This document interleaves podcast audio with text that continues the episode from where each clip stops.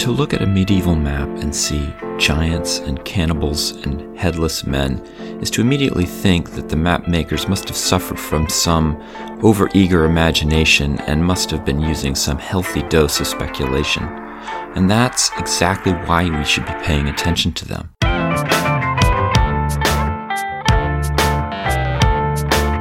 It's time to eat the dogs.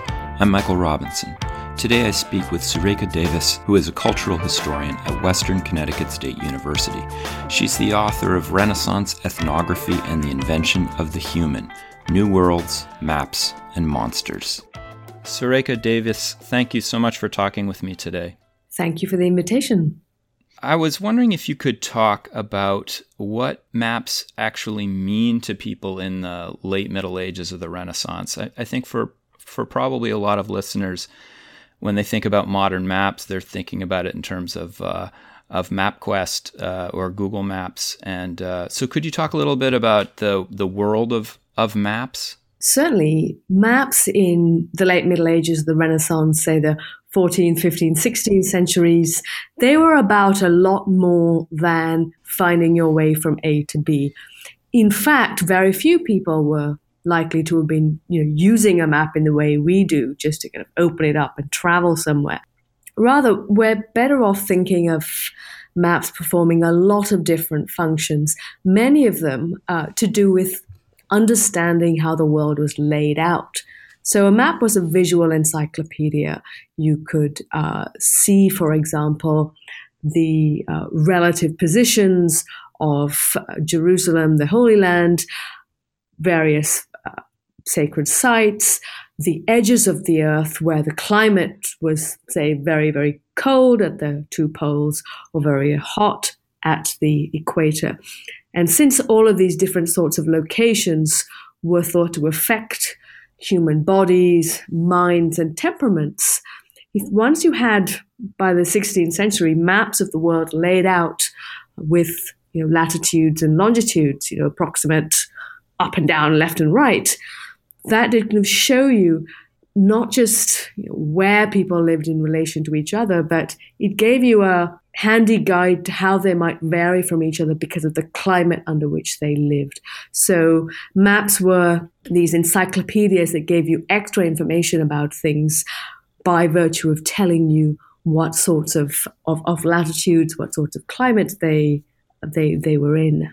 I think for some people who really enjoy maps, but who are not, let's say, um, uh, you know, educated within cartography about it, they they sometimes look at these these early maps as and all of the illustrations as kind of filler. You know, um, the the mm. the sea monsters, for example, that that seem to populate the borders of the map. And you argue that that's in fact not the way to look at ethnographic uh, illustrations. That's exactly right. So what drew me to look at um, the the maps that I worked on for this book was very much the uh, very strange illustrations of cannibals in Brazil, headless men, giants in Patagonia, and the ways in which uh, map historians have typically looked at this kind of imagery on 16th century maps is to say, oh, well, this stuff's clearly not accurate. This is decoration or this is propaganda. People are just filling in space because map makers hate blank spaces.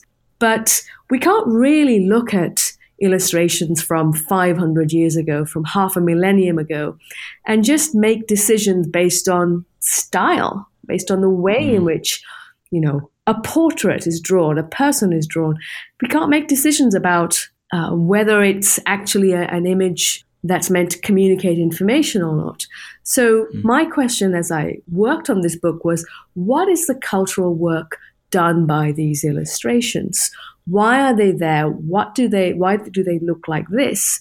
What were their sources? And in order to understand 16th century illustrations, you need to actually read a lot of texts hmm. and look at other sorts of illustrations, at, at prints, at costume books, and geographies.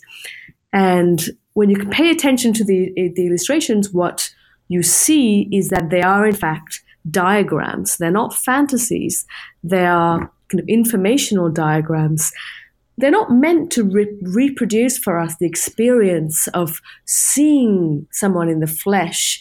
You know, they're not supposed to look like illustrations in National Geographic.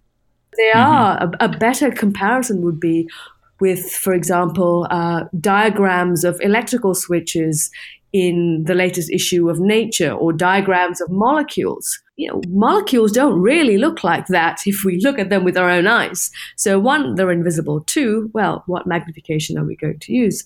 So, if you look at the details of, of uh, information about peoples of the Americas on maps and really think through the potential sources and start reading the travel writing, reading the geographies, reading about ideas about peoples that were circulating in this era, we see that map makers were actually trying very hard to figure out something about the nature of humanity. And you're also, tell me if I'm wrong here, trying to make a bigger claim, which is that these map makers shaped opinion about the, the people of these places. Is that correct? Exactly. Ever since classical antiquity, you know, for the last kind of 2000 plus years, there have been kind of ideas in um, the in, in kind of the ancient West about what sorts of people might live in the parts of the world that had yet been discovered. So everyone knew, you know, scholars knew that the world was round 2,000 years ago. The uh, question was, how different were people as you traveled around it? So the canon of, of ancient Greece and Rome expected that as climates became more and more harsh, say hotter and hotter or colder and colder, bodies, minds, and temperaments would be deformed. And you would suddenly have not people, but something that was fundamentally a different kind of thing, something that was ontologically different and what they called a monster. So monsters were things or beings that broke the categories that you that that uh, were were normal, that were expected. Now the the issue was how far, say, north or south, might you have to go before the climate became dreadful enough for human bodies to become monstrous? My argument about the part that maps played in this debate is that once you had travelers circumnavigating the entire Earth. That begged the question where is the boundary between human space and monster space? So, as you illustrate uh, parts of the world that have newly been, been, been seen and devise images of, of peoples that travelers have described, you then have to think about whether, hmm, is Patagonia so far south that these extremely tall people were, for example, giants as uh, predicted in the Bible?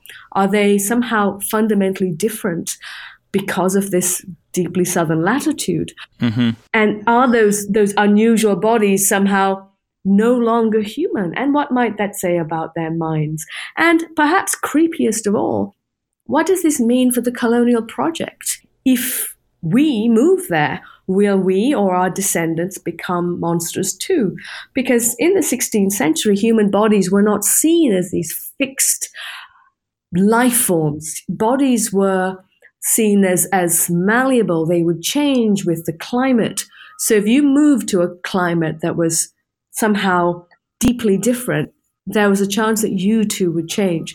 So once you have images of headless men in Guyana and giants in Patagonia and cannibals in Brazil.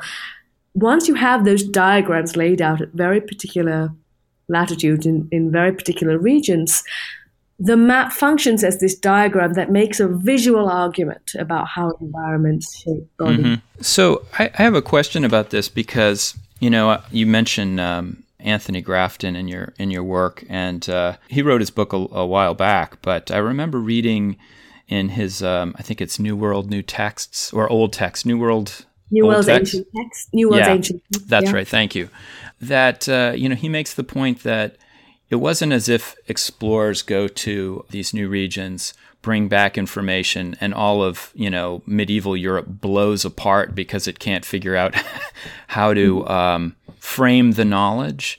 Uh, in mm-hmm. fact, Europe finds ways of adapting the framework to accommodate the, the new information, to make it, uh, if not, let's say, old, at least not radically new. And then there's another um, a person, uh, Chris Parsons, I think he's at Northeastern now, who works on stuff in the French Atlantic. And Um, he talks about how uh, settlers in the Americas, and I think this might be a little bit later than than your period, but um, how you know they're really eager to look at New World uh, species, for example, and say, ah, oh, that kind of looks like an Old World uh, oak, and and try to frame it up against what they what they know. And certainly that's, I think, true of Columbus as well, that Columbus was really eager to see stuff that fit his preconceptions.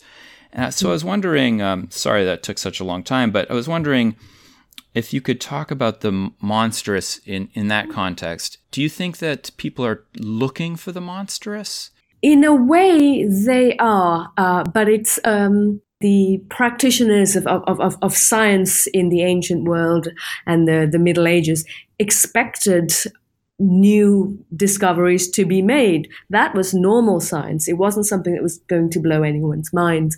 For example, the ancient geographer Ptolemy said, well, here is what we know about geography right mm-hmm. now, but as sailors sail further, they will uncover more land and more regions that I have not seen. So there was in the in, in the natural history of, of classical antiquity already room to make new discoveries. Mm-hmm. Now, the word that was often used for an unusual spe- specimen that you couldn't identify was monster. Now, today we would use the word new species. And you see again, you know, our worlds, our you know, minds don't melt down if we run into a new fish or a plant because we already expect that there are fish and plants and animals we haven't yet identified and the word mon- what the word monster meant in you know before 1800 was category breaker. It didn't mean imaginary creature. It meant something that is different from all of the things we know right now. And it's something that is a sign that we need to do more work here because here is the beginning of something we don't know and here is a clue there was certainly an expectation that, that new material was going to be found. The question was, how much was it going to simply be added on as, oh, here is one more plant or here is one more animal? And how much was it going to force you to rewrite things that were going to make you uncomfortable? And this is where, despite the curiosity and enthusiasm uh, of, you know, colonists uh, for finding potential, you know, new, new, new foodstuffs, for example, or uh, commercial merchandise, there was also something that was quite unsettling, which was that their own bodies might be put under unusual stresses because they were living in a different climate.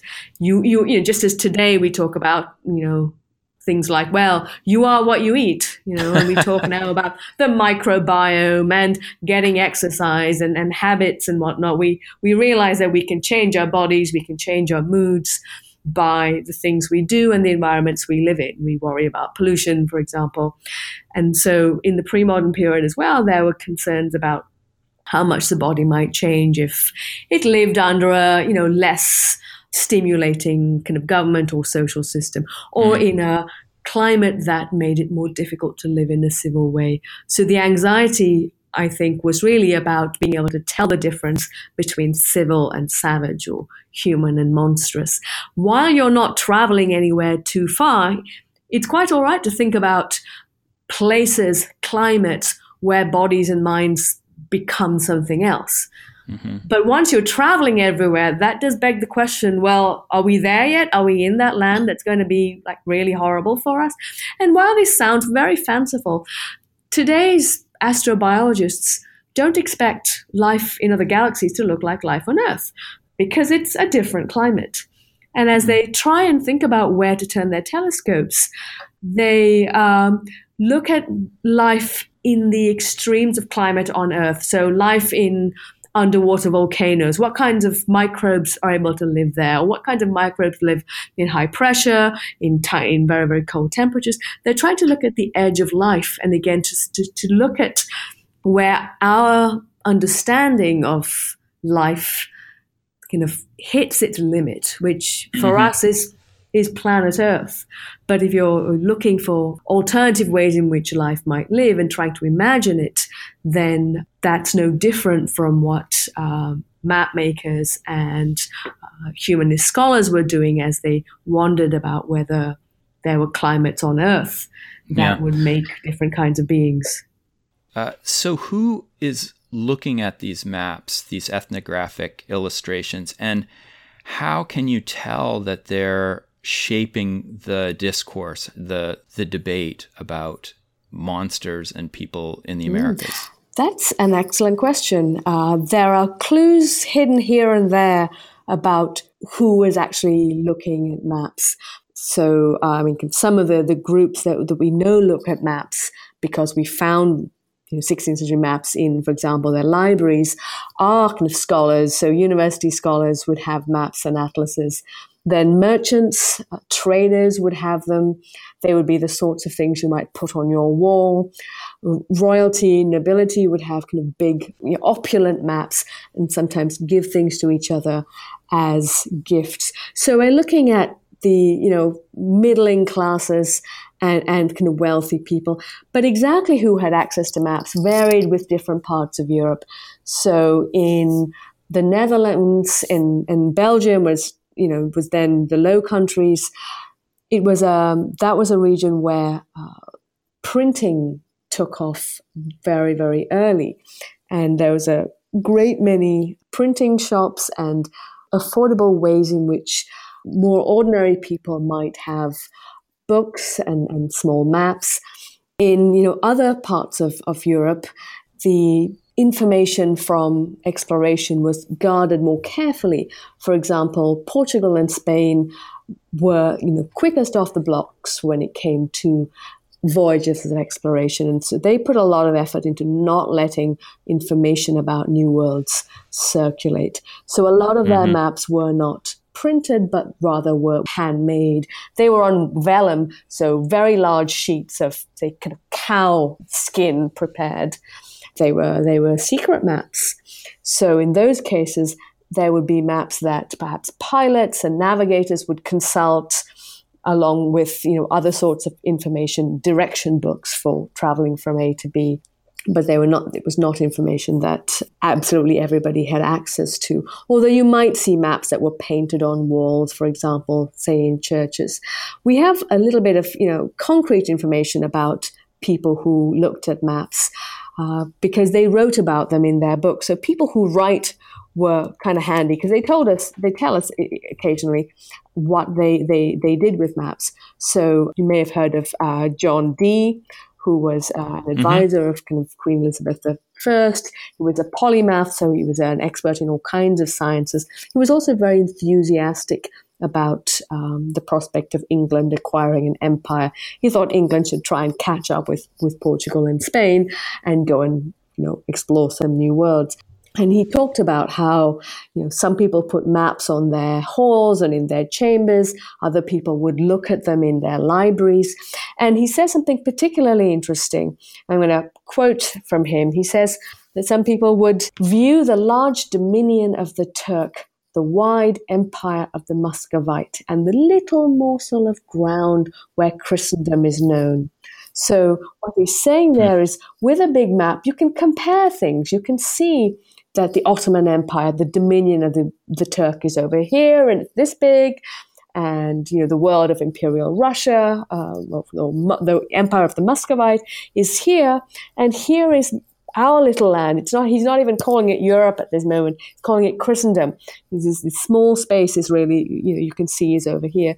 So you get these clues that people are using maps to compare uh, different regions. Uh-huh. Perhaps the kind of most kind of interesting example I've found is um, something this 16th century French lawyer says. This is uh, Jean Bodin. He, you know, wrote various kind of books in which he talks about uh, culture and law and civility. And in one of those, he describes what people are like at different latitudes, in different continents, in different climates. And he explicitly ties the bodies of the Patagonians to the latitude they live in. He says, the further men move from the equator, the larger they grow, as in the land of the Patagonians, who are called giants. So what we can see there is, you know, Bodin is describing for his reader uh, a map. He's trying to conjure one up in their head to say, okay, and this is what happens to humans as they move away from the equator. Mm. So we have, you know, examples of people thinking about human variety, you know, using using this cartographic language. Yeah. So we can see, you know, he's thinking about the world on a coordinate system, i.e., um, on a on a coordinate system map. I know that I know that your project is really focused on um, these European this European map maker community. So perhaps it's an unfair question, but do you see the um, the influence of indigenous peoples in the construction of these maps, or is that impossible to to find? You you can see you can see the the signs of that certainly. Um, there are there are two ways in which you can see the signs. There are there are some European maps that clearly have um, indigenous kind of map uh, models behind them. For example, the earliest map of Mexico City, Tenochtitlan, uh, as it was called, uh, was very likely drawn up with a kind of indigenous kind of map kind of in front of the map maker. This is something that Barbara Mundy has written about. But there are also indirect signs um, in the case of, for example, the mapping of Guyana and Sir Walter Raleigh's discussion of his travels to Guyana. So travel writing is a one of the sources from which map makers collected information for their maps. And when you look at those travel accounts, you can see the travelers encountering native peoples and exchanging information with them. Now, one of the things people know Walter Raleigh for is saying that uh, there was lots of gold in Guyana and he had found it. Uh, and um, he's often tied to ideas with, uh, which are said to be kind of very tall stories, like the notion of El Dorado, mm-hmm. you know, a, a golden man. And uh, yes, it doesn't sound very likely that you know there were kind of men who were being kind of painted with gold. But when um, we look at the information that um, anthropologists have gathered through oral histories and, and archaeologists in Amazonia from just digging things up, we see a lot of corroborating evidence for some of the things that Raleigh said that so- sounded like he'd made things up. Uh, for example, there are kind of uh, lakes in the highlands of present day Colombia uh, where uh, archaeologists have found golden votive objects, so sacred objects that show you on their imagery the sorts of golden man ideas that Walter Raleigh was talking about. Uh, for example, there's a there's an object that uh, was found that shows a man and his retinue traversing a lake, and you know this this uh, object was actually found in a lake. So um, there's independent evidence that Raleigh was speaking with native peoples in Guyana and describing uh, headless people, describing gold, describing Amazons, or rather, you know, tribes that were matriarchal, because this was the sort of information he was he was gleaning from uh-huh. his his native uh, informants. And we also need to think about the way in which uh, travelers were not going to survive trekking through a completely foreign land without uh, indigenous guides, indigenous healers. So there are all kinds of ways in which Native peoples participated, even in mapping that we see as European. So your project, to me, it feels like it sits right at the border between um, history of cartography and, and really cultural history of science. Mm-hmm. And I, I, could imagine that your with your interests, you could go in any number of of possible directions. Uh, what do you think your next project's going to be? Um, well, it certainly sits also at the boundary of history of science and, and cultural history. Um, but the, sec- the second book project is not a, a map book. The third discipline that I engage in a lot for my first book is the history of art. And it's more in the direction of art history that the new project is going. So the project is called Collecting Artifacts in the Age of Empire. And so this is about European encounters with uh, objects from overseas uh, rather than encounters with people per se. And this project came about as I was looking in travel writing and noticed all these travelers and scholars making comparisons between the arts and architecture of ancient Greece and Rome on the one hand, and mm-hmm. the artifacts of peoples of the Americas. So peoples who were far in space were being compared to peoples who were distant in time. Uh-huh. And then I looked at where, you know, objects from the New World ended up, and an awful lot of overseas artifacts found their way into uh, the collections of princes, in, into cult scholarly collections, and here they were catalogued, described, they were displayed alongside a lot of things we wouldn't normally put next to what we call ethnographic objects. Mm-hmm. So in um, Renaissance collections, you have overseas artifacts cheek by jowl, if you will, with objects from classical antiquity and also natural history specimens, so animal specimens. So you have classical cameos next to blowfish, next to Mexican spears. And so, what viewers would do if they came to visit a cabinet of curiosities, and a cabinet might actually be the size of many rooms, all of them with lots of closets uh, along the walls. So you'd have a way of thinking about distant societies by looking at their stuff. Yeah. So the new project analyzes these uh, collections of objects, these spaces where European artworks, European kind of ancient antiquity, and New World objects were discussed and looked at together. Mm. So I'm really grappling with the, the, the place of aesthetics in the invention of Europe. How did art and anthropology end up being these, these two separate conversations mm. by the 19th century? Because from the 16th to the 18th, they are one. Surekha Davies, thank you for talking with me today. Thank you for the invitation. It was fun. That's our show for today. Our music was composed by Zabrat. Next week, Hannah Wakeford talks about exoplanets. Uh, an exoplanet is a planet that orbits a star other than the Sun. Since the 90s, thousands have been discovered. Please rate or review the show wherever you get your podcasts. If you'd like to get in touch, just email me at time to eat the dogs, that's one word lowercase, at gmail.com. See you next week.